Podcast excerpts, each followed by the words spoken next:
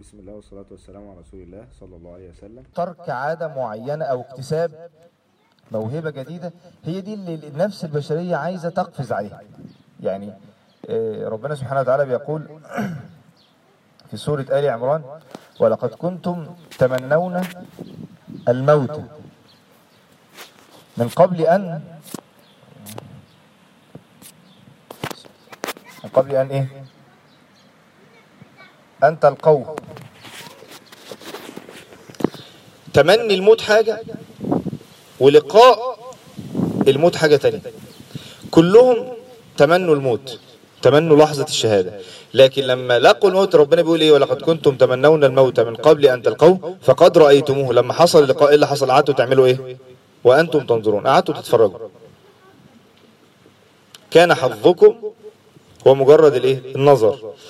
فأنا إيه، أحيانا مثلا حد يقول لك أنا أتمنى ال- زي الصحابي أتمنى الشهادة في سبيل الله. يشوف مثلا منظر شهيد في سبيل الله مبتسم وكده. يقول لك آه أنا عايز ده. هو عايز المشهد الأخير. هو عايز مشهد الشيخ بعد ما اتشهر. هو عايز مشهد العالم بعد ما ألف الكتاب. لكن المراحل اللي مر بيها اللي فيها سعي وبذل وألم وتعب وترك واكتساب موهبة وترك عادة هو لو طرح عليه ده يقول لك لا لا مش عايز ده. أنا عايز النهاية. عايز منظر يعني يقول لك آه أنا عايز أبقى زي الشيخ الفلاني. طب ما أنت ممكن أحكي لك قصة الشيخ الفلاني. لا هو عايز المشهد النهائي. عايز دايما إحنا دايما بنبص على مشهد النهاية وهنا كانت الفكرة مش تمنى والجهاد تمنى والموت. هو كان عايز المشهد النهائي. فلما حصل اللقاء فرق دايما كبير بين الأمنية وبين تحقيق الشيء. لذلك يقولوا في فرق بين الأمنية والنية. إحنا عندنا في الشرع الأماني غالبا مذمومة لكن إحنا عندنا النية لأن فيها عزيمة وجد واجتهاد. فالفكرة الأساسية إن التغيير دائما مؤلم. ليه؟ لأن التغيير بيحمل زي ما الدكتور خالد قال لنا من شوية ترك منطقة الراحة والانتقال لمنطقة جديدة واكتساب عادات جديدة وترك عادات قديمة. فالتغيير مؤلم. من رحمة ربنا سبحانه وتعالى إن خلى في شهر اسمه شهر رمضان التغيير فيه تغيير جماعي. التغيير فيه تغيير جماعي. لأن من أصعب أشكال التغيير إن هو يكون ذاتي فردي. لذلك النبي صلى الله عليه وسلم بيقول طوبى للغرباء. ده ثوابه عالي جدا. اللي يكون عنده ذاتية. يعني أنا شايف إن من أهم الصفات اللي يجب إن الملتزم في الزمن الحاضر يكتسبها صفة الذاتية. لو في شخص عنده ذاتية ووجد كمان منهجية يمشي عليها بفضل الله أنا شايف إنه ه- هي يعني هيتخطى وهيسبق في الطريق الله سبحانه وتعالى. وأحيانا كتير كتير جدا جدا المنهجيات موجودة لكن مفيش ذاتية. لذلك أنا بقول لكتير من الإخوة يقول لي إحنا عايزين منهجية. وأنا ببقى شايف إن المشكلة عنده مش إن هو عايز منهج ولا حاجة لأن أنا شايف إن رأيي يعني لو إحنا عندنا مرحلة التوقف ومرحلة اسمها العشوائية الأول وبعدين مرحلة المنهجية اللي هو عايزها. العشوائية أفضل من التوقف. اللي ماشي عشوائي بيخبط بقاله سنتين ده دليل إن هو عايز يتحرك وعايز يوصل.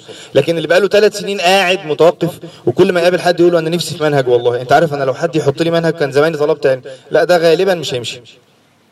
وكتير من المشايخ أنا كنت بشوف المشهد ده كنت أستغرب. يروح له أخ مثلا يروح لشيخ يقول له أنا نفسي حط لي منهج. يقول له أنت بالك قد إيه بتدور على منهج؟ يقول له مثلا ثلاث سنين. يقول له طب خليك قاعد. مش مش مش هتلاقي حاجة. ليه؟ لأن أنت لازم تتحرك فالعشوائية أفضل من التوقف. أي نعم المنهجية أفضل لكن لازم الإنسان يكتسب الذاتية. يعني إيه يكتسب الذاتية؟ يعني الدكتور خالد قال لنا من أهم الحاجات صناعة بيئة الإيمان ودي مهمة جدا. لكن افرض مش موجودة. يعني بيئة الإيمان دي أخطر شيء لازم أصنعه. طب افترض إن أنا حصل لي ظروف وبقيت لوحدي. افترض إن هي الأخت جاية تنزل مع الأخوات النهاردة عندها ظروف في البيت ولازم هتصلي في البيت. ما تصليش؟ وده يعني من الإشكاليات اللي دايما عايز الحلول الجماعية. المهم نرجع لرمضان. من رحمة ربنا سبحانه وتعالى إن خلى بداية التغيير بداية جماعية. إن خلى تغيير بيحصل في نظام النوم ونظام الأكل. ودي من أصعب الشهوات إن الإنسان يغير فيها. إنه يغير في نظام نومه ونظام أكله بصورة جماعية. وإضافة صلاة هي المفروض مش جديدة المفروض هي مع المسلم طوال السنة لكن بصورة جماعية بتبقى بصوره جديدة صلاة التراويح. بتلاقي المشاهد دي بيحصل فيها تغيير في العالم العالم الإسلامي تغيير جماعي ان الناس ممكن تغير نظام نومها عشان الفطار ممكن عشان السحور ممكن يقوم بالليل يتسحر تسحروا فإن في السحور بركة زي ما النبي صلى الله عليه وسلم قال والنبي صلى الله عليه وسلم- قال إن الله وملائكته يصلون على المتسحرين. ولو على جرعة ماء وإن النبي صلى الله عليه وسلم قال لا, تزال أمتي بخير ما أخرت السحور. فإذا ممكن يغير نظام نومه وبالفعل بيغير إجباري نظام أكله. هو متعود يصحى الصبح يشرب كوباية شاي يشرب كوباية قهوة ما عادش بيشربها. إيه، بعد العشاء دايما كان عنده مشاوير لغاها عشان هيصلي 11 ركعة تراويح. فالتغيير ده اللي بفضل الله حصل بصورة جماعية بتوفيق من ربنا وترتيب من ربنا وبأوامر وباستحباب من الشريعة خلى عند الإنسان قدرة إيه ده؟ طب ما أنا أقدر. طب ما أنا بفضل الله أقدر أصوم 30 يوم وأقدر أصلي وأقدر أغير في نظام نومي وأقدر إيه، حتى اللي بيشرب سجاير يقول لك ده أنا كنت ما أقدرش أبطل سجاير الصبح قدر يبطل سجاير الصبح كوباية القهوة ما أقدرش أستغنى عنها قدر يستغنى عن كوباية القهوة بتاعت الصبح. فالشاهد إن هو حصل تغيير جماعي في رمضان. طيب يبقى الحاجة المؤلمة الصعبة رمضان بفضل الله أعني عليها. أمال إيه الإشكال بقى؟ ليه ما بنتغيرش بعد رمضان؟ طالما رمضان بفضل الله حصل تغيير وبالفعل أنا التزمت بالعبادات دي, ونظام نومي ونظام أكلي ونظام صلاتي زودت الصلاة التراويح الحاجات اتغيرت وكانت بصورة جماعية. لأن ده تغيير ظاهري. طب رمضان عشان يكمل المعادلة بقى ويبقى التغيير تغيير حقيقي مش مجرد تغيير ظاهري. ربنا سبحانه وتعالى بيقول شهر رمضان الذي أنزل فيه القرآن. يعني الله سبحانه وتعالى لما أراد أن يعرفنا بشهر رمضان الشهر رمضان الذي الذي ده اسم موصول بيجي للتعريف. يعني لما أقول عارفين مثلا إيه، الشيخ فلان لا مش عارفين. الشيخ فلان اللي اللي دي اللي الذي يعني بس بلغتنا العامية اللي بيعمل كذا أو اللي بيقول كذا. يبقى ده تعريف بيجي للتعريف. فربنا يقول شهر رمضان. طب إيه شهر رمضان؟ ما تعريفه؟ الذي أهم صفة في رمضان أنزل فيه القرآن.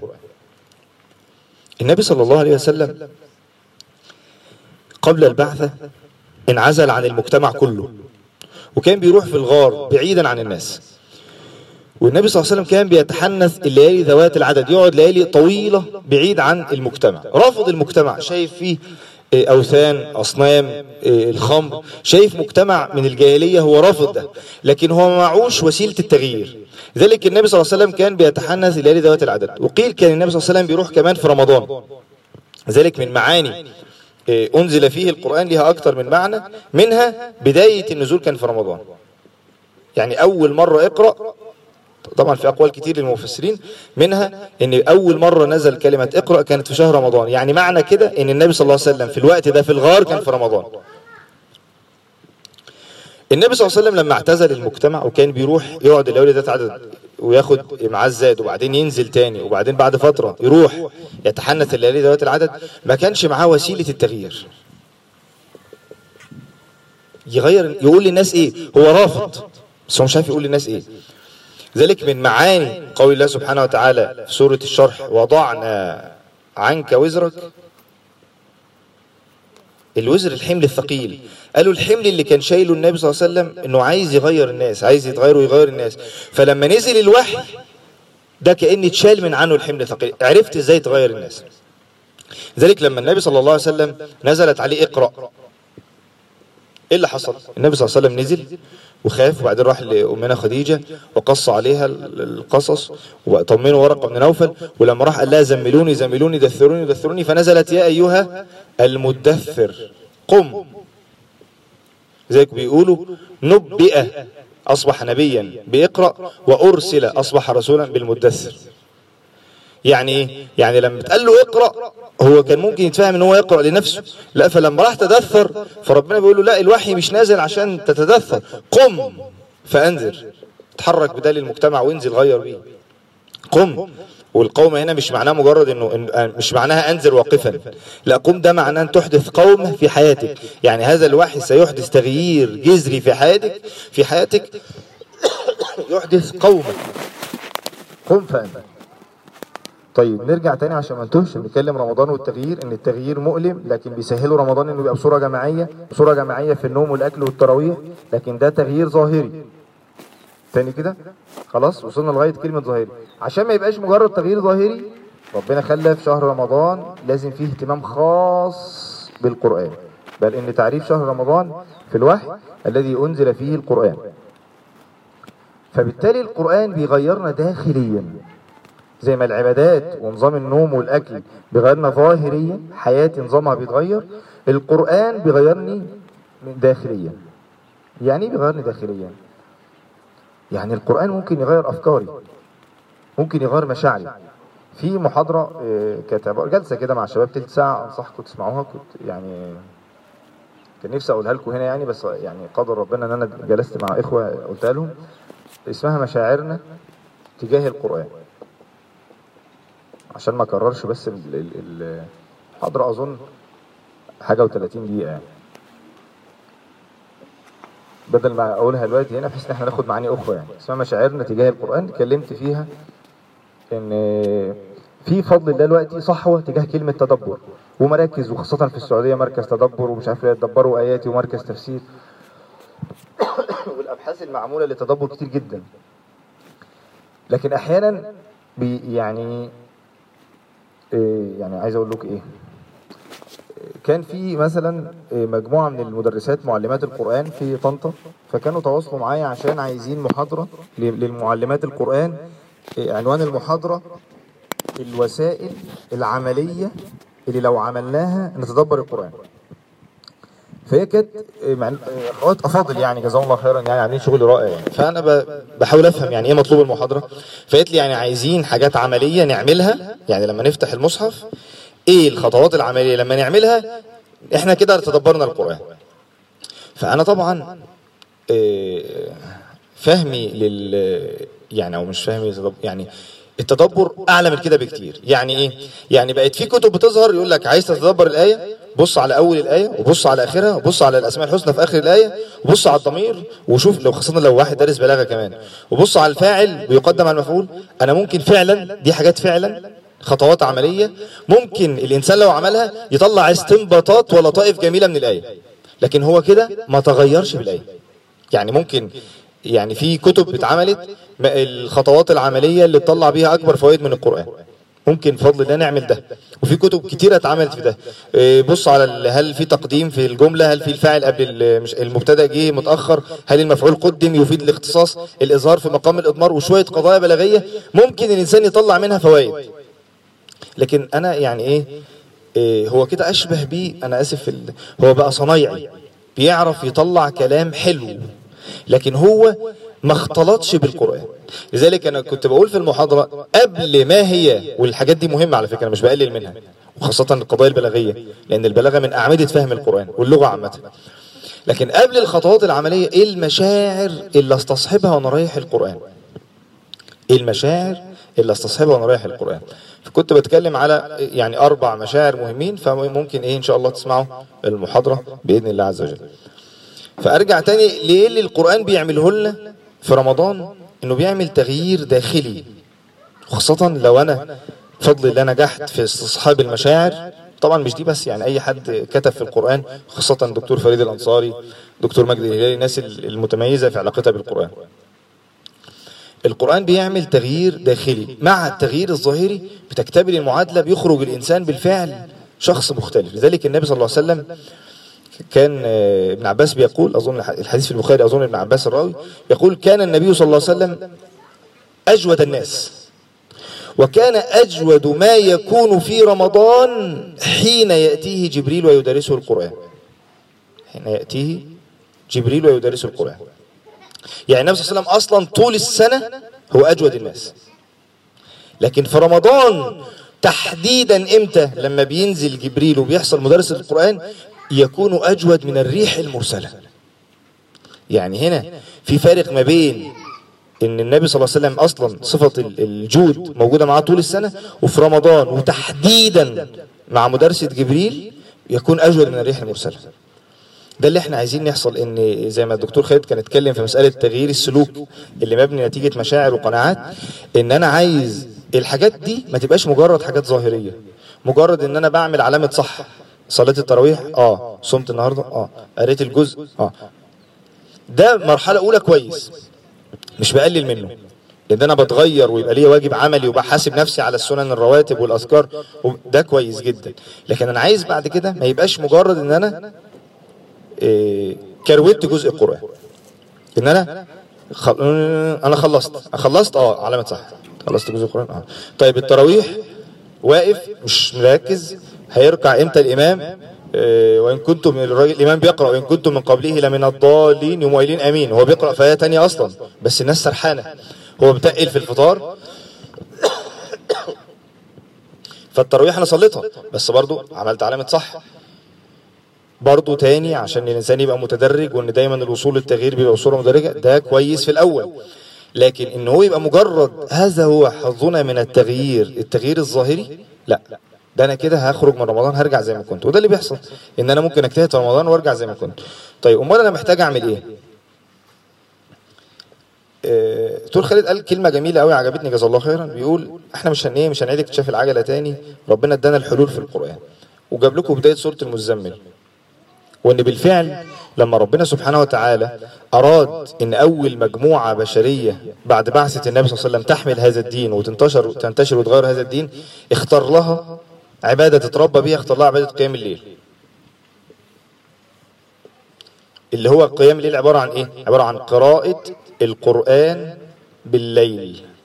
يعني الأصل ذلك حتى لما جه التعبير عن قيام الليل في آخر السورة قال فاقرأوا ما تيسر من القرآن يعني في قيام الليل يعني ده المقصود الأصل. ولما ربنا قال لنا ليه الصلاة بالليل أفضل من الصلاة بالنهار في قيام الليل قال إن ناشئة الليل هي أشد وطئ بعض أهل العلم قال ناشئة الليل المعاني بتاعت القرآن بالليل تبقى أكثر تركيزا بعيدا عن دوشة الحياة. يبقى إذا لما ربنا سبحانه وتعالى أراد إن مجموعة بشرية تتربى وتتغير اختار لها عبادة قراءة القرآن بالليل في الصلاة قيام الليل. طب لما إحنا نعمل ده وما نتغيرش يبقى المشكلة أكيد مش في الوسيلة. يعني لو في واحد خد دواء وخف ومليون خدوا الدواء ده وخف وأنا خدت الدواء ده وما خفتش يبقى أنا اللي عندي مشكلة. طالما الموضوع ده اتجرب وجاب نتيجة يبقى أنا اللي عندي مشكلة. يبقى أنا بتعامل مع قيام الليل ومع القرآن في حاجة ناقصة. بلاش غلط دي. اللي أنا يبقى بلاش تعبيراتنا تبقى إيه, يعني حادة شوية يبقى أنا تعاملي ناقص مع القرآن.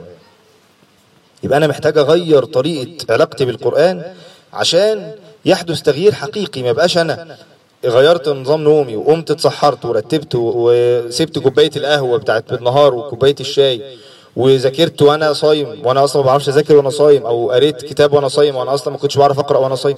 وحصل تغيير بالفعل.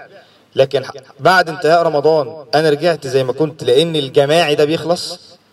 يعني المفروض دي تغيير الجماعي الظاهري دي دي هدية من ربنا. نشكرها فيبقى الجماعي ده ينتقي يبقى فردي. اكتسبت أنا الذاتية. لكن المشكلة إن بعد رمضان اللي بيحصل إيه؟ إن التراويح بتتوقف فأنا بتوقف. وال... والأخ ما بيصليش غير لما مجموعة أصحابه يكلموه يقولوا له تعالى هنصلي مع بعض بالليل هنعمل صلاة بالليل فيصلي معاهم فكده يصلي. يعني ما بيصليش غير بصورة جماعية. ذلك كان من المواقف الغريبة. كنتش فاهم بعد رأي الشيخ مصطفى العدوي في المسألة. كنا إحنا بنصلي تراويح. خلص مثلا وخاصة كان أياميها الليل كان طويل كان في الشتاء. فك... ومن أول رمضان كنا عملنا تهجد. فكنا نصلي تراويح نخلص نريح ساعة أو ساعتين وبعدين نعمل صلاة تهجد تاني من أول رمضان لغاية الفجر. في مسجد برضه أئمة وصوتهم كويس. فكنت صرت الشيخ مصطفى قال لي بلاش. فقلت له ليه؟ اي لا لا بلاش خليها في آخر رمضان بس. وده هدي النبي صلى الله عليه وسلم وخلي إن الليل كله يقام بالصورة دي في آخر رمضان. لكن من الحاجات اللي أنا شفتها إن هي فرقت إن لما اتعود الأخ إن هو هنا جماعة وهنا جماعة وكل الصلوات في حياته جماعية بعد رمضان وقف. لكن لما كنا نقول له حاول لوحدك قوم بقى أنت الساعة 12 وصلي أو نتقابل في مسجد وكل واحد يصلي لوحده بيبدأ يكتسب نوع من الذاتيه حتى لو إحنا بنشجع بعض نوع من الذاتيه مش معنى كلام إن الإنسان بيتخلى عن إخوانه. مفيش حد بيقدر يقوم لوحده إلا لو اضطر فربنا بيعين لكن الأصل إن الإنسان يبحث عن الصحبة يبحث عن اللي يشجعه يبحث عن حد يشد بإيديه حد. لذلك سماع الدروس. أنا بسمع درس الشيخ مصطفى أو الشيخ فلان ليه؟ لأن أنا ما أقدرش أقوم لوحدي. فأنا بس مش بنكر بيئة الإيمان. أنا أقصد إن هنضطر اضطرارا تبقى لوحدك. هتبقى مضطره بعد رمضان. مش هينفع تعملي صلاة التراويح كل يوم مع الناس بعد رمضان. فيجي القرآن يعمل التغيير الداخلي. بس المشكلة إن ده فعلا زي ما ده كان مؤلم وكان عايز ترتيب إن أنا آه، يعني في ناس مثلا بتصلي صلاة التراويح في مسجد بعيد خاصة هنا ما شاء الله عندكم في المسافات. عايز يروح يصلي مش عارف في مسجد فين. المسجد ده المسافة ساعة. ساعة يعني ممكن أصلا يفطر في الطريق. يعني ممكن ياكل أي حاجة. يعني بدأ يغير في نظام النوم ونظام الأكل والحركة ويروح كل ده عشان يحافظ على صلاة التراويح الصيام كان مؤلم في وقت وفي الحر اللي إحنا فيه ولو واحد شغال من الصبح وعنده مذاكرة. إيه، تغيير نظام النوم مؤلم. الحاجات دي كانت مؤلمة. وعملها برضو العلاقة بالقرآن عايزة حالة من التعب. يعني يعني أنا عشان إيه، كان بتعبير الشيخ يعقوب يقول لك ربنا بيقول ولما يدخل الإيمان في قلوبكم. إزاي الإيمان يدخل القلب دي دي معضلة. يعني إن ربنا يمن على الإنسان وإن ال- ال- القلب ده يمتلئ بالإيمان ده يعني عايزة معاناة ومجهود. فالارتباط بالقرآن ده عايز تركيز عايز تعب وعايز مجهود. يعني إيه عايز تعب وعايز مجهود؟ ربنا سبحانه وتعالى بيقول في سورة آه، قاف إن في ذلك لذكرى لمن آه، لمن كان له قلب أو ألقى السمع وهو شهيد. ابن عباس بيقول كلمة محورية قوي. دي أول خطوة لو إحنا عايزين خطوات عملية. أنا عارف أنتوا بتحبوا ال- الحاجات العملية نظام واحد اتنين تلاتة يعني. آه، ابن عباس بيقول كلمة رائعة وخدها عنه تلميذه مجاهد وقالها برضه. بيقول إن في ذلك لقلب إن في ذلك لذكرى لمن كان له قلب أو ألقى السمع وهو شهيد أي لمن لا يحدث نفسه بغير القرآن. يعني إيه لا يحدث نفسه بغير القرآن؟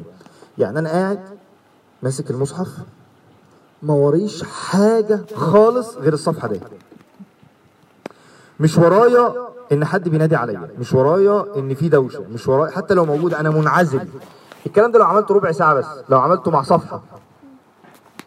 مش ورايا ابن مسعود بيقول لا يكن همك آخر السوره مش و...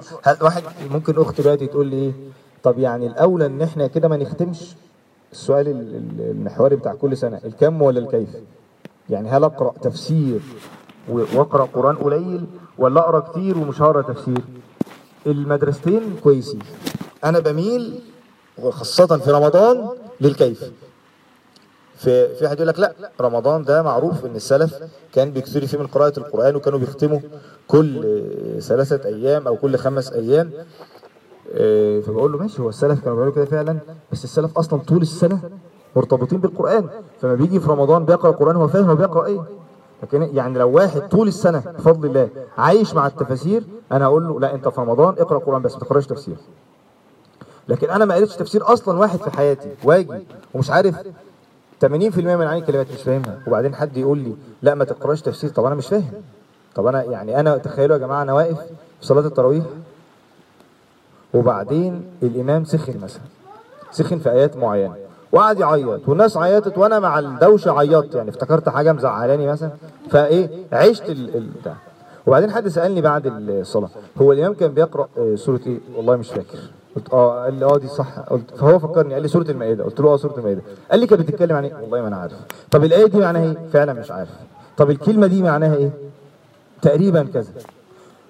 ده برضو أنا مش عايز إن إحنا يصيبنا إحباط. شيخ الإسلام بيقول كثير من اي القرآن لا يحتاج إلى تأويل. هي المشكلة إن إحنا اللغة العامية طغت علينا وألسنتنا أصابتها العجمة فإحنا ما عدناش فاهمين قوي لكن أنا عايز حد يبسط لي. عايز أقرأ تفسير مبسط ييسر لي بس معاني الكلمات حتى أو الجمل عشان لما أجي أركز. هذا يبقى أنا قلت دلوقتي حاجتين عشان عارف برضه أنتوا بتحبوا ترتيب الكلام. قلت الإقبال بتركيز أو لا يحدث نفسه بتعبير ابن عباس لا يحدث نفسه بغير القرآن. ده رقم واحد. اتنين إن أنا أفهم. فاهم إن أنا اقرا تفسير معاني كلمات. حسب طا- طاقتي. وهنقول دلوقتي في الآخر إيه أمثلة التفسير اللي ممكن اقراها الإقبال بالمشاعر دي اللي أنا المفروض كنت أتكلم عنها بس عشان نستغل الوقت عشان ما فيش وقت تسمعوا الدرس إن شاء الله. الإقبال على القرآن بالمشاعر اللي أنا بستصحبها وخلوة وما ورايش حاجة يعني أنا هدي نص ساعة للقرآن تلت ساعة ساعة ايا كان الوقت بس دي بتاعة القرآن وبس. ما وريش أي حاجة. مش مهم اختم مش مهم أخلص الصفحة. اللي عايز يعمل صفحة أو صفحتين يقراهم بتدبر وبالليل يقرأ بسرعة لازم أدي وقت للقرآن. إن شاء الله لو أنا هقرأ جزء عشان أختم. وفي صفحتين في الجزء أقراهم بتركيز. واقف في الصلاة ما وريش حاجة. مش مشغول. لذلك لما ربنا يمن علينا جميعا ونعمل الحج والعمرة ربنا يرزقنا الحج والعمرة ويتابع لنا بين الحج والعمرة اللي بيروح يطوف وبيبقى مشغول بالزحمة. ومشغول ده بيزقني ده مشغول بان هو مش عارف إيه طب أصل إحنا هنروح فين بعد؟ والفوق بقية الفوق فين لحسن اللي بيبقى مشغول في الطواف كده بيخلص السبع أشواط ولم يخرج إلا بالتعب. تلاقيه خارج من الطواف تعبان وفي واحد تاني كان أصلا عايش. كان أظن ابن عمر مش فاكر ابن عمر ولا عبد الله بن الزبير حد منهم يعني حد جاله في أظن ابن عمر حد جاله بيكلمه بيطلب منه نكاح حد من قرايبه حد بيطلب خطبة حد يعني. فقال أتحدثنا ونحن في الطواف؟ تحدثني وأنا في الطواف. كنا نطوف ونحن نتخايل الله بين أعيننا. يعني عايش مع ربنا. أنت بتكلمني وأنا بطوف. الكلام في الطواف مش حرام. لكن أنت إزاي في أثر أصلا إن الطواف صلاه ولكنه ابيح ولكنه ابيح فيه الكلام. وكان يعني كثير من أهل العلم ضعفوا للنبي صلى الله عليه وسلم لكن قالوا إن ال ال الكلام في الطواف مباح. النبي صلى الله عليه وسلم كان بيطوف وراى حد ماسك آه، حاجة وكلمه تكلم معه النبي صلى الله عليه وسلم. لكن قال له إن الطواف ده محتاج تعيش معاه. والواحد جرب لما بيروح يطوف يبقى مشغول. ده الحر ده زحمة ده زمزم فين ده هنروح فين؟ تلاقي إيه؟ مشغول خلص الطواف وما استفادش حاجة من الطواف. كذلك اللي واقف بيصلي هيركع إمتى الإمام؟ طب مش عارف إيه طب هنعمل إيه؟ مشغول بالحر بالتكييف بالمروحة. تلاقي الصلاة خلصت وما استفادش حاجة. فكذلك اللي بيقرأ ودماغه مش معاه. أنا قاعد بقرأ. من.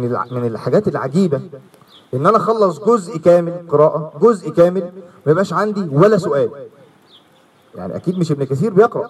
يعني تخيل واحد جزء كامل بيقرأ مفيش سؤال عايز يسأله. مفيش مثلا ورقة يعني أما مثلا أخ يقرأ جزء كامل وبعد الجزء تقول له مفيش كلمة عايز تسأل عن معناها يقول لك لا والله.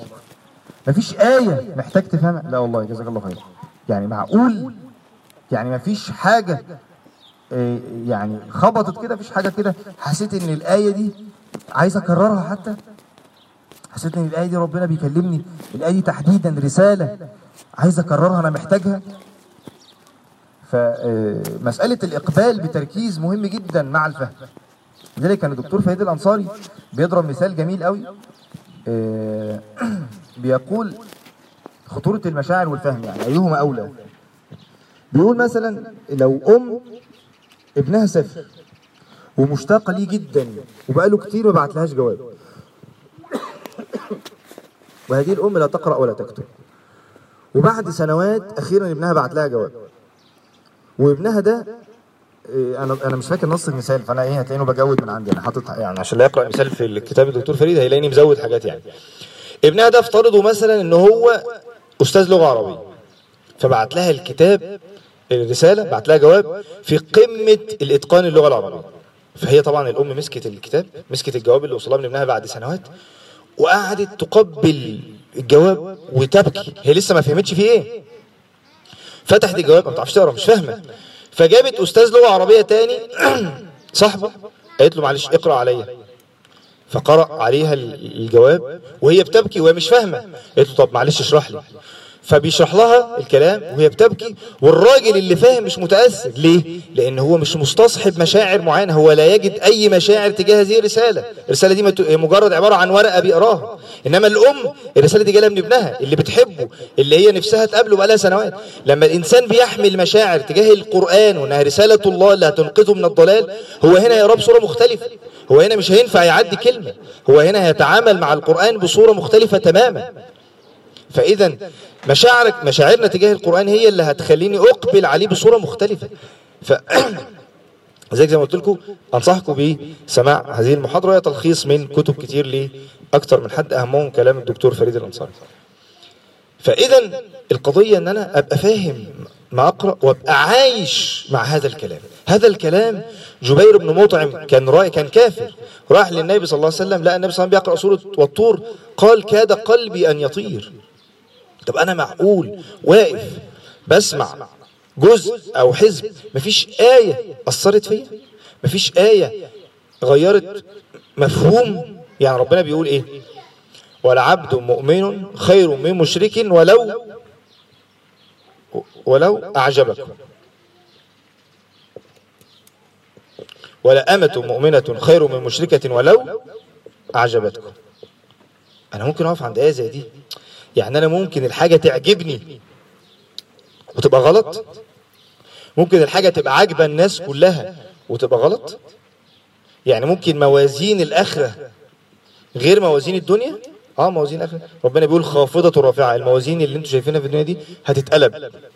ممكن يأتي شخص معظم في الدنيا يأتي حقير يوم القيامة.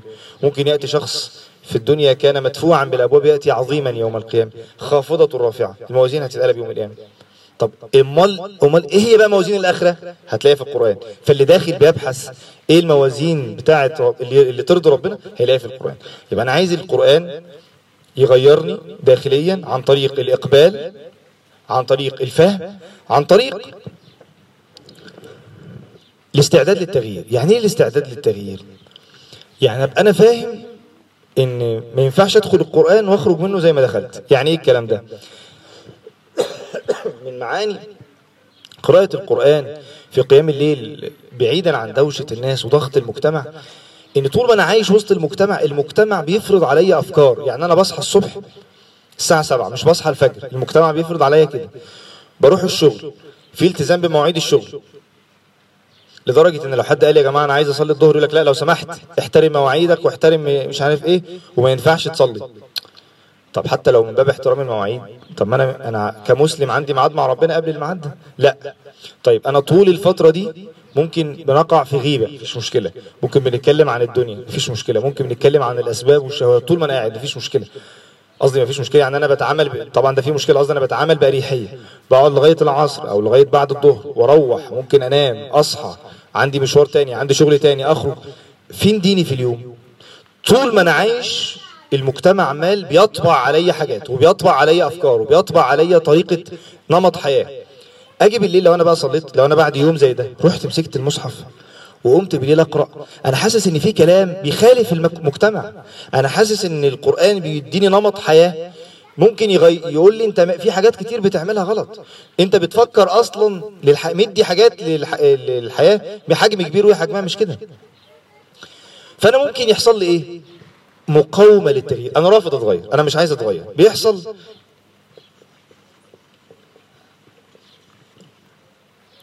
إن القرآن إحنا قلنا بقى ال- ال- التغيير الداخلي. القرآن هيغير في المشاعر هيغير في الأفكار هيغير في الموازين هيغير في المبادئ ايا كان بقى الإيه ال- ال- اللي زي ده. القرآن هيغير كل ده. هيغير ملخص هيغير وجهتك. هيغير وجهتك. طيب. أمال إيه المشكلة اللي بتحصل؟ المشكلة إن أنا يا إما أتعامل بلا مبالاة يعني إيه لا مبالاة؟ يعني لا أنا فاهم ولا أنا عايز أفهم أنا عايز أخد. أو أتعامل ب إيه، كان آه، كنا أحيانا نروح زمان للشيخ يعقوب. كنت في مرة زمان بروح للشيخ يعقوب يعني فالشيخ قاعد بيتكلم على معاني تعبدية عالية جدا. وأنا حاسس إن الكلام ده صعب قوي وبعدين حاسس إن الناس قاعدة مش مش متأزمة زي ما أنا متأزم. فكنت بقول لواحد يعني بقول له بص هو يا إما اللي قاعدين بيزحلقوا الكلام يعني هم بيتعاملوا إن الكلام ده مش لازم يتطبق أو غير قابل للتطبيق يا إما إحنا اللي وحشين. يعني فكنت حتى بتكلم شيخ الشيخ قال فعلا إيه نظرية الزحلقة إن في ناس بتزحلق الكلام. يعني كأن الكلام مش لازم هذا الكلام مش لازم يتطبق. يعني لما نشوف آية في القرآن إن بتدعو للقوم لله أو تغيير إذ قاموا فقالوا ربنا رب السماوات والأرض أصحاب الكهف أو صاحب الجنتين اللي قام وراح دعا صاحبه الغني وقال له آه لما صاحبه المشرك قال له أنا أكثر منك مالا وأعز نفر راح دعاه وقال له لولا إذ دخلت جنتك قلت ما شاء الله أو زي سيدنا موسى في طلب العلم في رحلة في طلب العلم في ذو القرن مع ذو مع الخضر. قاعد بسمع الكلام ده وأنا بالنسبة لي الكلام ده قاعد مش بقى لا مبالاة مش فاهمه. فاهم؟ بس أنا حاسس إن هو ده مش لينا أصلا. يعني الكلام ده بتاع الصحابة. الكلام ده بتاع مش ليه يعني الكلام ده أنا الأول أنا مش فاهم ولا شاغل بان أنا فاهم. رقم اتنين أنا فاهم. فاهم يعني إيه آية؟ لا أبرح حتى أبلغ مجمع البحرين. يعني بيقول له أنا مش هدوق الراحة لغاية لما أوصل للنقطة اللي ربنا قال لي روح حتى لو هفضل ماشي سنين لا أبرح حتى أبلغ مجمع البحرين أو أمضي حقبة. حقبة جمع حقبة. قالوا قال لها 80 سنة. هفضل ماشي سنوات. أنا فهمت الآية وفهم العزيمة اللي فيها. طيب عايزين بقى نتعلم ونطلب العلم. لا أنا ب- أنا بقرأ بس. يعني أنا مش شاغل بالي بالتطبيق. الإشكال الثالث إن أنا رافض أطبق أصلا. عندي مقاومة. يعني مش شايف إن ده بتاع الصحابة. لا أنا شايف إن الكلام ده أصلا مش صح. الكلام ده مش هطبقه أصلا. الكلام ده أنا مش مقتنع بيه أساسا. فبقى عندي رفض بقت معايير الواقعية والمجتمع هو اللي مأثر عليا زي ما يجي حد مثلا يكلم أخت في الحجاب هي ممكن تبقى عندها لا مبالاة مش عايز تفهم هو بيقول إيه أو ماشي بس الكلام ده مش لينا أو لا الكلام ده غلط أصلا. فبالتالي بيبقى أصعب شخصية إن هي تطبق. ف أحيانا أحيانا بيحصل رفض لتطبيق معايير القرآن في الواقع. إن أنا عندي مقاومة نفسية رافض أن هذه المعاني تستقر بداخلي. لو أنا عكست دول عكست دول وبقى مع بقى عندي إقبال مش لا مبالاة وبقى عندي حب فهم وإن أنا مؤمن إن ده قابل للتطبيق وإن أنا قبلت إن أنا أكون عبد رضيت بالله ربا وبالإسلام دينا وبمحمد صلى الله عليه وسلم رسولا ورضيت بالقرآن أنه من كلام الله وأنه وحي أنزله الله أنا رضيت بده وسلمت نفسي للقرآن ساعتها القرآن هينزل عليا شوف تعبير سورة المزمل. إن ناشئه الليل هي إيه؟ أشد وطئا. يعني إيه وطئا؟ قراءتنا قراءة حفص وطئا. حد عارف القراءة الثانية أشد وطاء. قال وطاء هنا بمعنى مواطأة. القراءة الثانية مش بتاعتنا. أظن قراءة ابن عامر. وطبعا مواطأة يعني مواطأة القلب مع العقل بتكون بالليل. إن القلب يكون مركز والعقل يكون مركز والاثنين مربطين مع بعض ده بالليل في الخلوة بعيد عن الناس. بالنهار أنا ممكن عقلي بيقرأ لكن قلبي مش معايا. ممكن قلبي عايز يركز بس عقلي مشغول بيفكر أعمال بيحسب حاجات تانية. الاثنين المواطأة دي بتحصل بالليل. طب نيجي لقراءة حفص. وطء فقال وطء حديث مثلا اللهم اجدد وطأتك على أهل مضر. الوطأة دي الإنسان بيطأ شيء حاجة بتضغط. إيه اللي بيضغط وإيه اللي أشد وطئا؟ فمن المعاني التي قيلت معاني القرآن بتطأ بتضغط عليك. يعني إيه بتضغط عليا؟ عشان نفهم المفهوم ده المفروض إن الإنسان يكون عبد لله سبحانه وتعالى. فقالوا معبد؟ طريق معبد يعني طريق مذلل. يعني لما يبقى طريق زي طرق مصر كلها كده في مطبات وحفر وكده ده ما اسموش معبد. أمال إيه الطريق المعبد؟ الطريق اللي ما فيهوش فيه إيه؟ أي حاجة ده اسمه طريق معبد. مفيش فيه اشكال فبالتالي يعني إيه كلمة عبد؟ عبد يعني أوامر ربنا سبحانه وتعالى بتسير عليه بقمة الانسيابية. إذ قال له ربه أسلم قال أسلمت. عادي بقمة ال- الانسيابية. إني أرى في المنام أني أذبحك. مع إن يعني إيه العلماء هنا بيقولوا كلمة جميلة قوي سيدنا إبراهيم في سورة الصفات طلبت منه أعلى التضحيات بأقل الإشارات. وده العبد الحقيقي. يعني إيه؟ يعني إيه أعلى التضحيات بأقل الإشارات. يعني سيدنا إبراهيم نبي كان ممكن ينزله سيدنا جبريل. كان ممكن ينزل له مجموعة من الملائكة يقولوا آه ده سيدنا إبراهيم إحنا عايزينك في موضوع مهم موضوع خطير أنت مطالب إنك تذبح ابنك إسماعيل وما تقلقش أول لما هتذبحه آه، هينزل الخروف وما- ويديله ممهدات. يعني مجرد إنه شاف حلم شاف رؤية ورؤية الأنبياء حق. بس هو طب ما هو كان بياتي له وحي دي اللي هي أقل الإشارات وقدم أعلى التضحيات. ومش مثلا شاف رؤيه إن ابنه هيموت فهيصبر. لا ده أنت اللي هتذبحه. ولغايه لما يوصل لأكتر مرحلة أنت بتحبها فلما بلغ معه السعي المرحلة اللي كل أب بيستناها قال يا بني إني أرى في المنام أني أذبحك. فقدم أعلى التضحيات بأقل الإشارات. كلمة مقاومة اللي أنا بتكلم عنها الرفض إن إنسان بيطلب منه أبسط التضحيات بأعظم الإشارات مش بأ... مش بأقل الإشارات يعني بنقول له الحكم ده في القرآن والحكم ده في السنة وإجماع المذاهب الأربعة عليه ونقعد نناقش ومش مقتنع. يعني بيحتاج نقاشات طويلة. ويقول لك لا أصل المسألة فيها خلاف. أصل ده سمعت إنه مكروه بس مش حرام. وبيتغير يعني بيتحرك إلى الله عز وجل بصعوبة. دفع تقيل في الحركة. يجي القرآن يعمل إيه بقى؟ إحنا نفوسنا لو هنفترض ان ده طريق اللي هو الطريق الايه اللي إحنا بنسميه طريق معبد وده طريق مش معبد. نفوسنا عشان تكون معبدة نفوسنا مليانة حاجات كتير وشهوات وإشكاليات وموانع ورفض. القرآن بيضغط على الحاجات دي. القرآن بيغير الهموم. يعني القرآن لما واحد يقرأ مثلا ولما جاء موسى لميقاتنا وكلمه ربه ويعيش مع شعور إن ربنا هيكلمه يوم القيامة.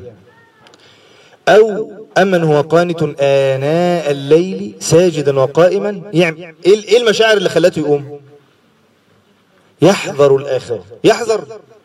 يعني أنا قاعد وخايف في أسد جوه. وأنا خايف وممكن إنه في أسد جوه. هتلاقيني قاعد مش على بعض. قاعد حذر. هو بالليل قاعد مش على بعضه مش عارف ينام. ليه؟ خايف من الآخرة. يحذر الآخرة. يعني لو واحد بيحذر من حاجة لو في سم أو أو حيوان مفترس تلاقيه مش قاعد مرتبك. هو يجي ينام مش عارف ينام. لا يستطيع أن يستجمع النوم. ليه؟ لأن هو بيحذر الآخرة.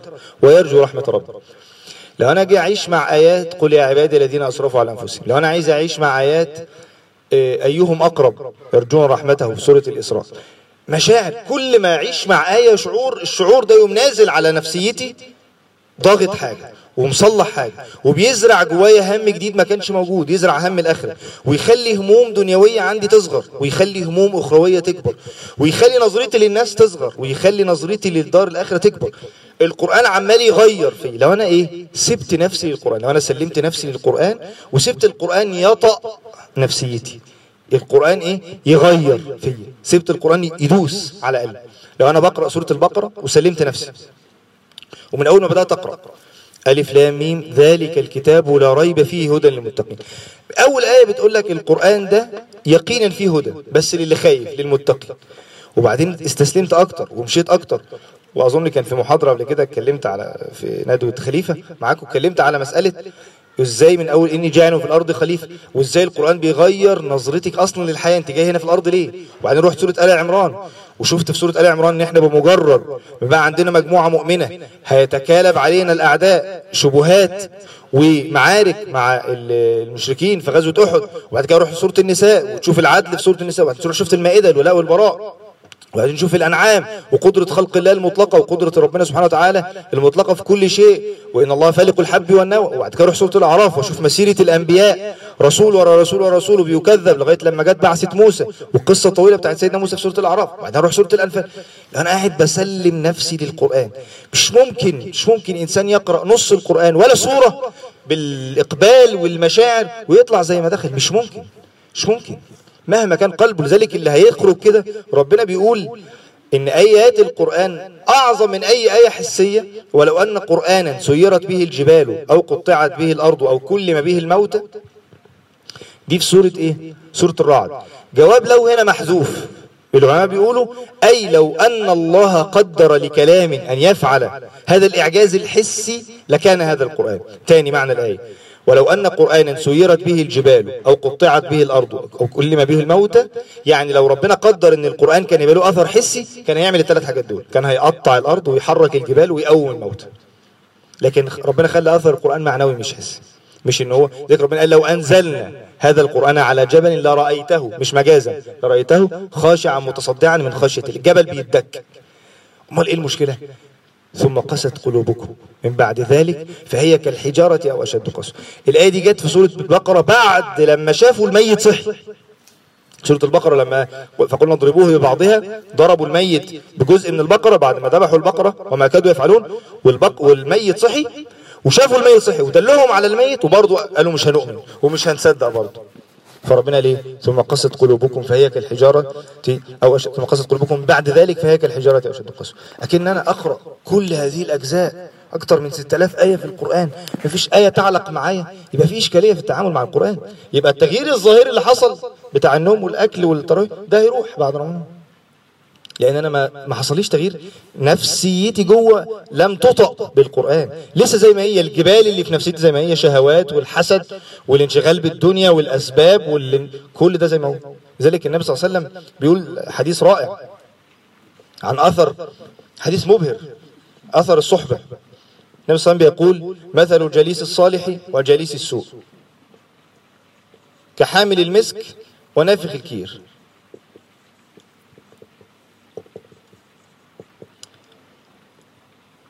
أنا ممكن أروح أقعد أنا مش مش هقعد أنا حتى صليت العشاء ومروح قابلت مجموعة أصحابي سلمت عليهم أهلا وسلمت عليه وبتاع. روحت وقفت معاه خمس دقايق أروح البيت ألاقي حد في البيت يقول إيه ده أنت ريحتك سجاير؟ أقول له أنا مش شربتش سجاير. أنا مش حاسس بريحة سجاير. يقول لا أنت ريحتك سجاير. آه اللي أنا وقفت معاهم كانوا بيشربوا سجاير. الرائحة انتقلت بدون ما أشعر. هو النبي صلى الله عليه وسلم قال مثل انتقال الروائح بيحدث من غير ما يشعر الإنسان. حامل المسك إما أن يحذيك يعني يديك حاجة طيبة أو تجد منه ريحا طيبة. وهنا إما أن يحرق ثيابك أو تجد منه ريحا خبيثة. شوف من تعبير يحرق ثيابك ده. ده عكس الأثر بقى بتاع القرآن. يعني يحرق ثيابك. طبعا ده تمثيل النبي صلى الله عليه وسلم ضربه مثال. الثوب غالبا بيضرب مثال للدين النبي صلى الله عليه وسلم لما جاله سيدنا عمر وشاف رؤية إنه لابس ثوب طويل فالنبي أولها له الدين. وأحد معاني آه، وثيابك فطهر إن ده الدين. فيحرق ثيابك إن حتة من دينك تتحرق. خد بالكم من التعبير الشيء اللي بيتحرق ده بيترمى يعني يصبح رماد. ملوش أثر. فت... يعني أنا يعني إيه حتة من ديني تتحرق؟ يعني أنا مثلا إيه، حد يكلمني عن هم الدين ونصرة المسلمين أو عن طلب العلم أو عن إنقاذ المسلمين أو عن الفقراء أي معنى وشلت هم. وبعدين ده بقى حتة في ديني موجود. بعدين قعدت مع واحد قال لي يا عم كبر دماغك وتعالى مش عارف نعمل إيه. وقعد كلمني عن شهوات تانية خالص. ممكن الحتة اللي أنا قعدت أبنيها دي في ديني تتحرق. يعني محتاج أبنيها تاني من أول وجديد. ال- البيئة الصالحة بتعمل العكس. يا إما يديني معنى جديد يا إما أشم رائحة الجنة إما أن يأتيك ريحا طيبة. يعني أشم ريحة الجنة؟ يعني ممكن أحس إن أنا مشتاق إن أنا أروح أصلي مشتاق للقرآن. ده الصحبة الصالحة. أو القرآن بيعمل كده. مش بقى بيحرق معاذ الله لا القرآن بيبني معاني جديدة. القرآن يعني ممكن إنسان يدخل القرآن ما كانش عنده فكرة مثلا إن أنا أقوم أقوم ليلة. إيه يعني لما أنا مثلا محتاج ليلة فاضية؟ إيه يعني لما أروح ساعتين؟ أصلي ساعتين قيام. مرة حتى مرة واحدة في عمري أعملها. في مرة كنا معتكفين في مسجد عندنا في المنصورة وكان زمان المسجد ده معروف إن بيجي فيه الشباب اللي مش ملتزم خالص. حتى كان بيجي شباب إيه، يعني لسه ممكن لسه مبطل مخدرات حتى. وكان بيجي إيه ويدخل بفضل الله ويعتكف ويتبسط يعني. ففي مرة حد من إخواننا الدعاة قعد مع الشباب دول لسه في الأول تماما وكلمهم عن إن هو يقوم الليل بالقرآن كله بركعة واحدة. إن هو يقوم الليل بركعة واحدة. أنا فوجئت إن في أكتر من واحد عمل كده. خليكم معايا سيبكم. أنا فوجئت فعلا ان واحد قام من ما صلاش كنا في رمضان ما صلاش تراويح وبعد كنت بقول لكم بفضل الله ده كان أيام ال- الليل الطويل في الشتاء يعني. بعد الامام سلم العشاء قام ودخل مكان بعيد ما صلاش معانا تراويح وفوجئنا إنه طالع أذان الفجر. كان بيعمل إيه؟ جاب القرآن كله في ولسه في بداية التزامه آه، أنا مش بقول إن إحنا ده هيبقى نمط حياة صعب عشان يبقى كلامنا واقعي. لكن إيه المشكلة؟ لما مرة أجيب البقرة أشوف مثلا النهارده إيه؟ النهارده الخميس الجمعة آه أنا فاضي لحد ما وريش حاجة مثلا. ما وريش أي حاجة. عندي ساعتين بالليل فاضيين. المشكلة دايما يا جماعة لما بيجي عن عند الدين نقول لك لا هيبقى صعب. وده حتى مثلا أنا ممكن أصلي الفجر في المسجد وبعدين إيه حد يقول لي اقعد جلسة ضحى فاقول لا والله أنا مش فاضي والله ده أنا عندي شغل وعندي. وبعدين أطلع أقابل واحد صاحبي أفضل واقف معاه لغاية الشروق. واقف معاه مش حاسس بالمشكلة. أمال إمتى كنت حاسس بالمشكلة؟ لما كان حد بيقول لي إيه عشان ربنا. ما لكم إذا قيل لكم انفروا في سبيل الله ثقلتم. الحاجة بتاعت ربنا دايما تقيلة.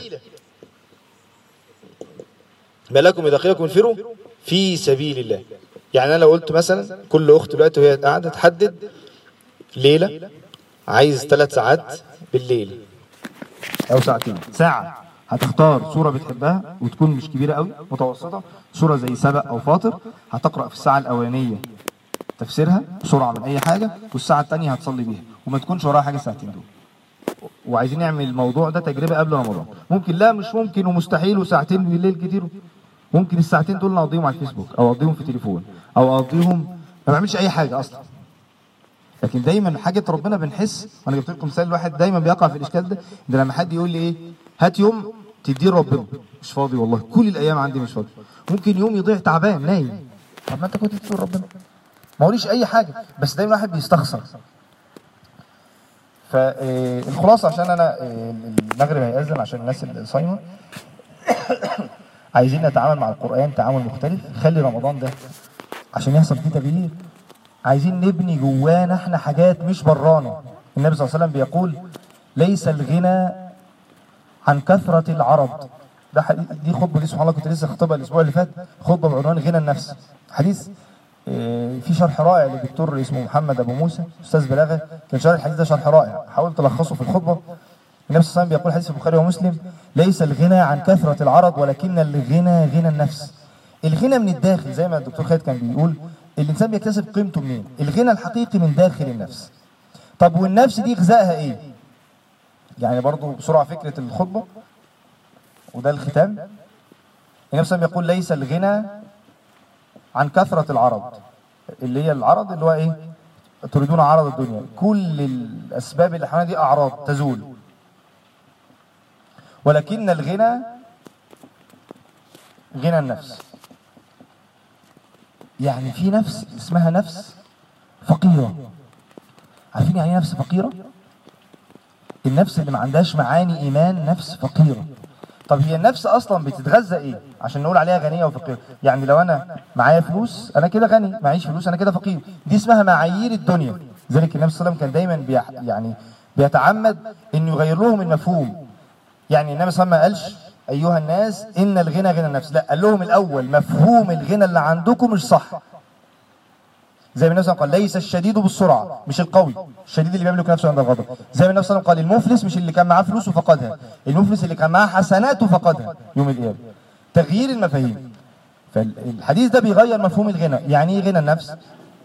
ال- البدن محتاج غذاء والنفس محتاجة غذاء. البدن خلق من طين. إحنا خلقنا من طين ونفخة من روح الله سبحانه وتعالى. البدن النفس بتاعتنا نفخة من روح الله والبدن من طين يبقى غذاء البدن من طين. يبقى البدن يتغذى إيه؟ إيه، أكل وشرب ده جاي حاجة من الأرض. طب النفس؟ نفس روح من عند الله يبقى غذاء من عند ربنا. كلام الله. يبقى النفس ما بتتغذاش غير بمعاني الإيمان اللي جاي من عند ربنا. مهما كان إنسان غني لكن فقير في المعنى ده هيظل يشعر بفقر. ذلك ربنا ضرب لنا مثال واحد كان مليونير وفلس في القرآن بس مليونير بالمعنى ده واتلو عليهم نبأ الذي آتيناه آياتنا كان غني فانسلخ منها فأتبعه الشيطان فكان من الغاوين في الآخر أصبح لا يشبع فمثله كمثل الكلب إن تحمل عليه يلهث أو تتركه يلهث ليه؟ لأنه فقد المعنى اللي بيغذي نفسه. فأنا محتاج يبقى أنا عندي غنى النفس في نفس فقيرة. يعني المعنى الإيماني اللي عايشة بيه معنى واحد. يعني في واحد مثلا عنده معنى الإيمان والتوكل والإخبات والإنابة وعدم التعلق بالأسباب والخوف من ربنا والخوف من المعصية عايش معاني كتير قوي قاعد بيتقلب كل يوم عنده معنى جديد عايش فيه كل مرة صورة تطلع له معنى حديث يطلع له معنى. في واحد مثلا التزم أو واحدة التزمت عشان صاحبتها ماتت فجأة. عنده معنى أهو. بقاله خمس سنين بنفس المعنى. طب ما عندكش معاني؟ ما حاولتش تكتسب معاني جديدة؟ لا. زي اللي بيلبس كل يوم نفس اللبس هو ما عندوش غير معنى إيماني واحد جواه. بيروح يصلي بنفس المعنى وبيرجع بنفس المعنى وبيدخل رمضان بمعنى. مفيش معاني جديدة. مفيش معاني جديدة في سورة مريم. مفيش معاني جديدة في سورة الكهف. مفيش في سورة فاطر. مفيش في سورة الأنعام. مفيش في سورة الأعراف. كل الصور دي مفيش فيها معاني جديدة. فبالتالي إنسان فقير. عن فقير في المعاني. ما عندوش معاني. يعني لما يجي يتحدث عن معاني الإيمان هو كلمتين اللي عنده. معاني معرفة الله معرفة أسماء الله. عنده حاجات بسيطة أوي. فلذلك ليه الإنسان يبقى فقير؟ ليه الإنسان يرتضي إنه يبقى فقير؟ وهذا الكتاب بين أيدينا. فعايزين نخرج آه، ندخل الأول رمضان بطريقة مختلفة للتعامل. معلش أنا طولت عليكم. عايزين الإقبال بالمشاعر بدرس مشاعرنا تجاه القرآن. عايزين نحاول نقرأ تفسير. كان المفروض يبقى في محاولة النهاردة إن أنتوا معرفش آه، المحاولة هتطبق ولا لأ. كل أخت كانت تختار حزب مثلا وتقرأه من تفسير المختصر أو التفسير الميسر. ال- الأربع تفاسير اللي أنا بنصح بها المبتدئ المختصر في التفسير أو التفسير الميسر. ده للي ما عندوش وقت حاجة صغيرة.